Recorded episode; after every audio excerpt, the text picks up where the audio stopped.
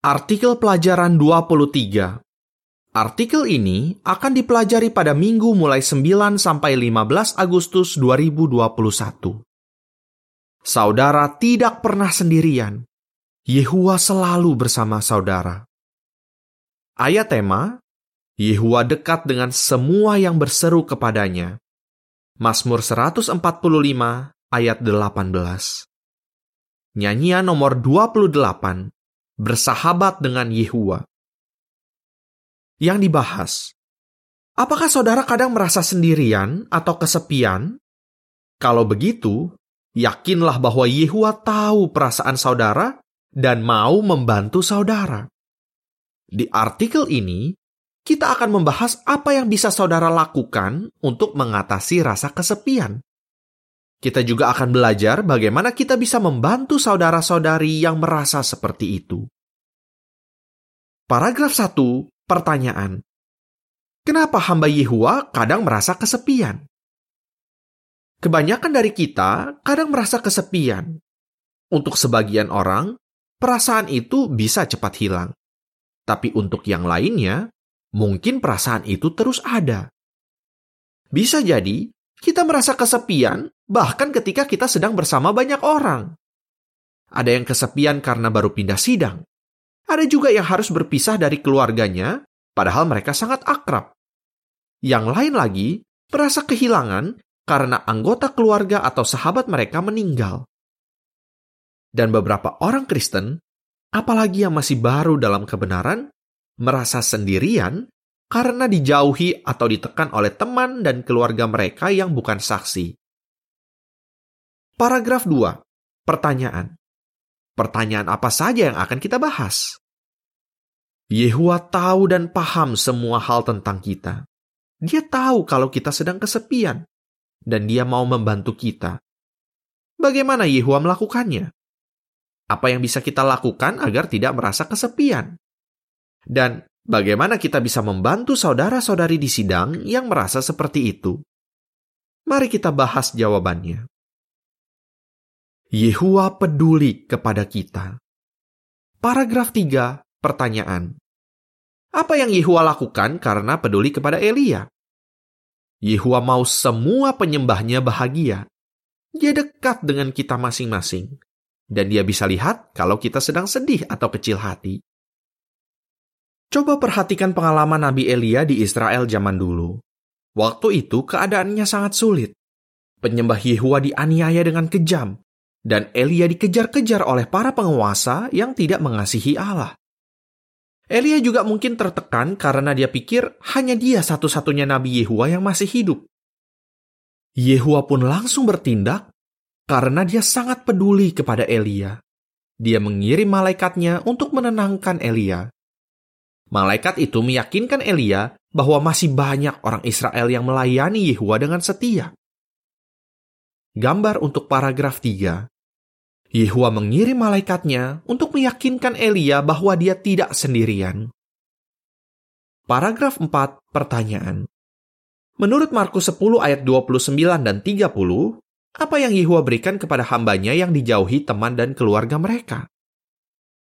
Yehua mengerti bahwa kita mungkin perlu membuat pengorbanan yang besar untuk melayani dia. Misalnya, mungkin teman atau keluarga kita yang bukan saksi jadi tidak akrab lagi dengan kita. Rasul Petrus sendiri pernah berkata kepada Yesus, "Kami sudah meninggalkan segalanya dan mengikutimu." Jadi, apa yang akan kami terima? Matius 19 ayat 27. Petrus mungkin mengatakan itu karena merasa khawatir tapi Yesus dengan baik hati meyakinkan para muridnya bahwa mereka akan mendapatkan keluarga rohani yang besar.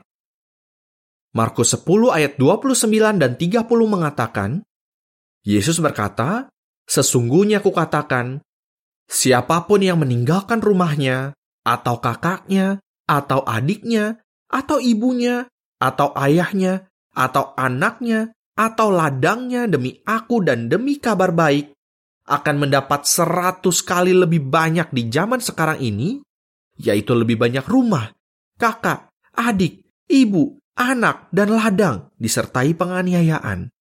Dan di zaman yang akan datang, dia akan mendapat kehidupan abadi. Yehua, Bapa kita yang di surga, juga berjanji untuk selalu mendukung orang-orang yang mau melayaninya.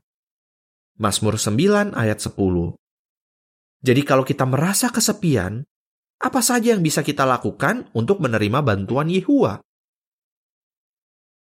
Yang bisa dilakukan kalau saudara kesepian. Paragraf 5, pertanyaan. Apa manfaatnya kalau saudara memikirkan bagaimana Yehua membantu saudara selama ini? Pikirkan bagaimana Yehua membantu saudara selama ini. Dengan melakukannya, saudara bisa punya pikiran yang lebih positif. Karin, seorang saudari lajang yang sendiri dalam kebenaran berkata, kalau saya ingat-ingat bagaimana Yehua membantu saya setiap kali ada masalah, saya jadi sadar kalau saya sebenarnya tidak sendirian. Dan saya yakin, apa pun yang terjadi nanti, Yehua akan terus membantu saya. Paragraf 6, pertanyaan. Bagaimana 1 Petrus 5 ayat 9 dan 10 bisa menguatkan orang yang merasa kesepian?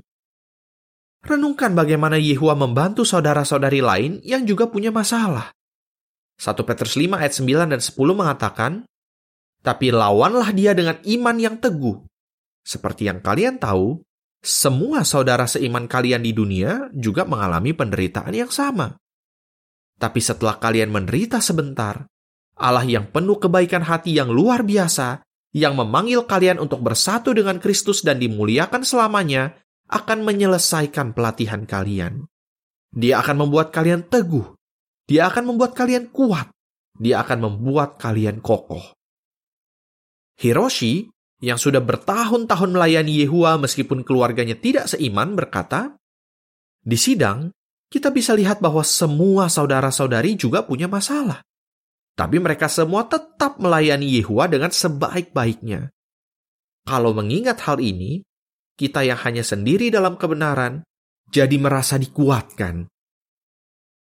Paragraf 7, pertanyaan. Apa manfaat yang saudara sendiri rasakan karena berdoa? Miliki rutin rohani yang baik. Ceritakan perasaan saudara kepada Yehua dengan terbuka. Perhatikan pengalaman saudari muda yang bernama Masiel. Dia merasa kesepian karena keluarganya tidak melayani Yehua. Dia berkata, Salah satu hal yang paling membantu saya adalah berdoa dengan sungguh-sungguh kepada Yehua. Bagi saya, Yehua seperti ayah saya sendiri. Saya berdoa kepadanya setiap hari, bahkan berkali-kali dalam sehari dan saya curahkan semua perasaan saya kepadanya. Paragraf 8, pertanyaan. Apa manfaat yang saudara sendiri rasakan karena membaca Alkitab dan merenungkannya? Bacalah Alkitab secara teratur dan renungkan ayat-ayat yang menunjukkan bahwa Yehua menyayangi saudara. Seorang saudari bernama Bianca pernah merasa kecil hati karena kata-kata yang menyakitkan dari keluarganya. Dia berkata, saya membaca dan merenungkan pengalaman hamba-hamba Yehua yang situasinya mirip dengan saya, baik yang dicatat di Alkitab maupun di publikasi kita. Itu sangat menguatkan saya. Saudara-saudari lainnya menghafalkan ayat-ayat yang bisa membesarkan hati, seperti Mazmur 27 ayat 10 dan Yesaya 41 ayat 10. Yang lain lagi mempersiapkan bahan perhimpunan dan membaca Alkitab sambil mendengarkan rekaman audionya. Dengan begitu, mereka jadi tidak terlalu kesepian. Gambar untuk paragraf 8. Kalau saudara hanya sendirian, coba dengarkan rekaman publikasi dan pembacaan Alkitab agar tidak terlalu merasa kesepian. Berikut ini adalah keterangan untuk gambar yang dibahas bersama paragraf 8 seorang saudara yang istrinya meninggal mendengarkan rekaman publikasi dan pembacaan Alkitab. Paragraf 9, pertanyaan. Apa manfaat yang saudara sendiri rasakan karena berhimpun? Berupayalah sebisa-bisanya untuk berhimpun secara rutin. Hal-hal yang dibahas di perhimpunan akan menguatkan saudara. Dan saudara juga bisa lebih mengenal rekan-rekan di sidang. Masiel yang disebutkan sebelumnya berkata, saya orangnya pemalu, tapi saya bertekad untuk selalu datang berhimpun dan memberikan komentar. saya jadi merasa kalau saya bagian dari sidang. Paragraf 10, pertanyaan. Kenapa kita perlu bersahabat dengan saudara-saudari di sidang? Bersahabatlah dengan saudara-saudari di sidang. Carilah sahabat-sahabat yang bisa menjadi teladan bagi saudara. Tidak soal berapa umur mereka atau seperti apa latar belakang mereka. Ingatlah, Alkitab berkata bahwa orang yang sudah berumur itu berhikmat. Ayub 12 ayat 12. Jadi, kita bisa belajar banyak dari mereka. Di sisi lain, para lansia pun bisa belajar banyak dari yang lebih muda. Tirulah teladan Daud dan Yonatan yang bisa bersahabat meskipun umur mereka beda jauh. Mereka berdua saling mendukung sehingga mereka bisa tetap setia melayani Yehua di tengah situasi yang sulit. Saudara-saudari di sidang bisa menjadi seperti orang tua, kakak, atau adik kita sendiri. Kata Irina yang keluarganya bukan saksi. Yehua bisa menggunakan mereka untuk membantu kita. Paragraf 11 pertanyaan. Apa yang perlu kita lakukan untuk menjalin persahabatan? Memang, menjalin persahabatan itu tidak mudah, apalagi kalau saudara pemalu. Seorang saudari bernama Ratna yang tetap belajar kebenaran meskipun ditentang juga merasa seperti itu karena dia pemalu. Tapi dia berkata, "Saya akhirnya mengakui bahwa saya butuh bantuan dan dukungan dari saudara-saudari di sidang." Bisa jadi saudara merasa sulit untuk mengungkapkan perasaan saudara kepada orang lain. Tapi dengan melakukannya, saudara bisa mendapatkan sahabat. Ingatlah, orang-orang di sidang mau membantu dan menguatkan saudara. Tapi, saudara perlu cerita dulu kepada mereka supaya mereka tahu apa yang saudara butuhkan. Paragraf 12, pertanyaan. Apa manfaatnya kalau kita berdinas bersama saudara-saudari? Berdinas bersama rekan-rekan seiman adalah salah satu cara terbaik untuk mendapatkan sahabat. Karin, yang disebutkan sebelumnya berkata, karena saya sering kerjasama dengan saudara-saudari dalam dinas pengabaran dan ikut dalam berbagai bentuk dinas lainnya, saya jadi punya banyak teman baik. Mereka lah yang selama ini digunakan Yehua untuk menguatkan saya. Upaya kita untuk bersahabat dengan saudara-saudari tidak akan sia-sia. Yehua bisa menggunakan mereka untuk membantu kita membuang perasaan negatif, seperti rasa kesepian. Buatlah saudara-saudari merasa disayangi. Paragraf 13, pertanyaan. Apa yang perlu dilakukan semua orang di sidang? Kita semua perlu saling mengasihi dan menciptakan suasana yang hangat di sidang supaya tidak ada yang merasa diabaikan. Kata-kata dan tindakan kita bisa punya pengaruh yang besar terhadap saudara-saudari. Seorang saudari berkata, "Waktu saya belajar kebenaran, sidang menjadi seperti keluarga saya sendiri. Tanpa dukungan mereka, saya tidak mungkin bisa jadi saksi Yehua. Kalau di sidang saudara ada orang yang hanya sendiri dalam kebenaran, apa yang bisa saudara lakukan supaya dia merasa disayangi oleh sidang?" Paragraf 14, pertanyaan bagaimana kita bisa menjadi sahabat bagi saudara-saudari di sidang? Jadilah sahabat bagi saudara-saudari di sidang. Mulailah dengan menyambut orang-orang yang baru bergabung dengan sidang saudara. Tapi, jangan sekadar menyapa mereka, karena tujuan kita adalah bersahabat dengan mereka. Perlakukan mereka dengan baik hati, dan tunjukkan bahwa saudara benar-benar peduli kepada mereka. Coba pahami kesulitan apa yang sedang mereka hadapi, tapi jangan tanyakan hal-hal yang bisa membuat mereka malu. Beberapa orang mungkin tidak terbiasa membicarakan perasaan mereka. Jadi, jangan paksa mereka untuk berbicara. Sebaliknya, bertanyalah dengan baik hati untuk menggali isi hati mereka, lalu dengarkan jawaban mereka dengan sabar. Misalnya, saudara bisa bertanya bagaimana mereka mengenal kebenaran. Paragraf 15, pertanyaan. Bagaimana orang yang sudah lama dalam kebenaran bisa membantu orang lain di sidang? Semua orang di sidang akan bertumbuh secara rohani jika orang-orang yang sudah lama dalam kebenaran, terutama para penatua, memperhatikan mereka. Melisa, yang dibesarkan dalam kebenaran oleh ibunya, berkata, Saya sangat berterima kasih kepada saudara-saudara yang sudah meluangkan banyak waktu untuk saya dan memperhatikan saya selama bertahun-tahun. Mereka seperti ayah saya sendiri. Tiap kali saya mau cerita sesuatu, mereka selalu dengarkan saya. Seorang saudara muda bernama Mauricio merasa kehilangan ketika guru Alkitabnya menjadi tidak aktif. Tapi dia berkata, saya benar-benar dikuatkan karena para penatua peduli sama saya. Mereka sering ajak saya ngobrol dan dinas. Mereka juga suka cerita tentang permata rohani yang mereka temukan dari pelajaran Alkitab mereka. Kami juga lakukan banyak kegiatan yang seru. Sekarang, baik Melissa maupun Mauricio melayani di Bethel. Paragraf 16-17. Pertanyaan. Dengan cara apa saja kita bisa membantu saudara-saudari? Berikan bantuan sesuai kebutuhan. Seringkali, yang dibutuhkan hanya bantuan yang sederhana pada waktu yang tepat, kata Leo, seorang utusan Injil yang tinggal di negeri yang jauh dari keluarganya. Saya masih ingat waktu saya kecelakaan mobil. Sampai di rumah, saya stres sekali. Tapi, sepasang suami istri mengundang saya makan di rumah mereka. Saya tidak ingat makanannya apa. Yang saya ingat, mereka dengarkan saya baik-baik waktu saya cerita. Setelah itu, saya jadi jauh lebih tenang. Kita semua senang datang ke pertemuan wilayah dan regional. Salah satunya karena kita bisa bergaul dengan saudara-saudari dan membahas hal-hal menarik dari acaranya.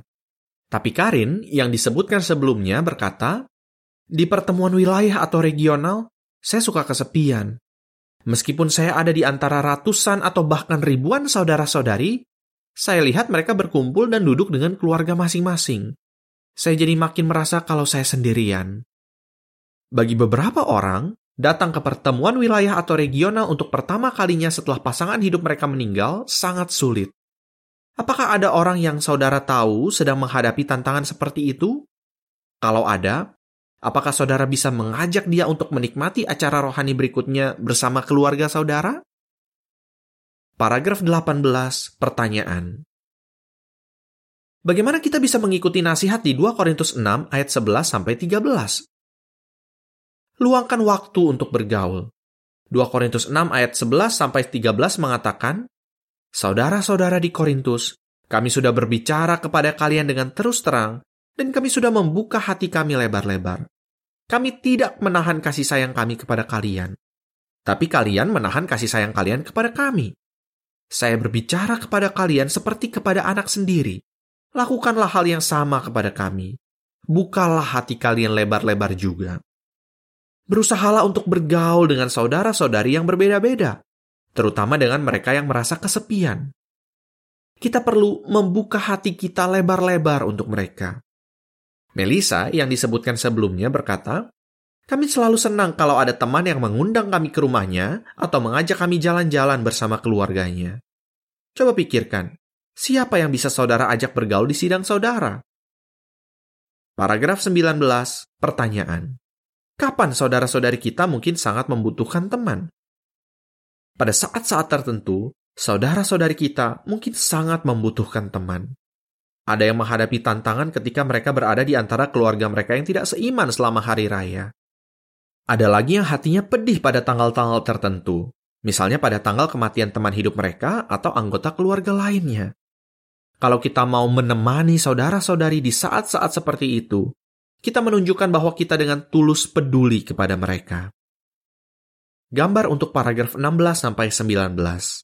Di sidang saudara, siapa yang mungkin sedang butuh teman dan akan senang kalau saudara ajak bergaul?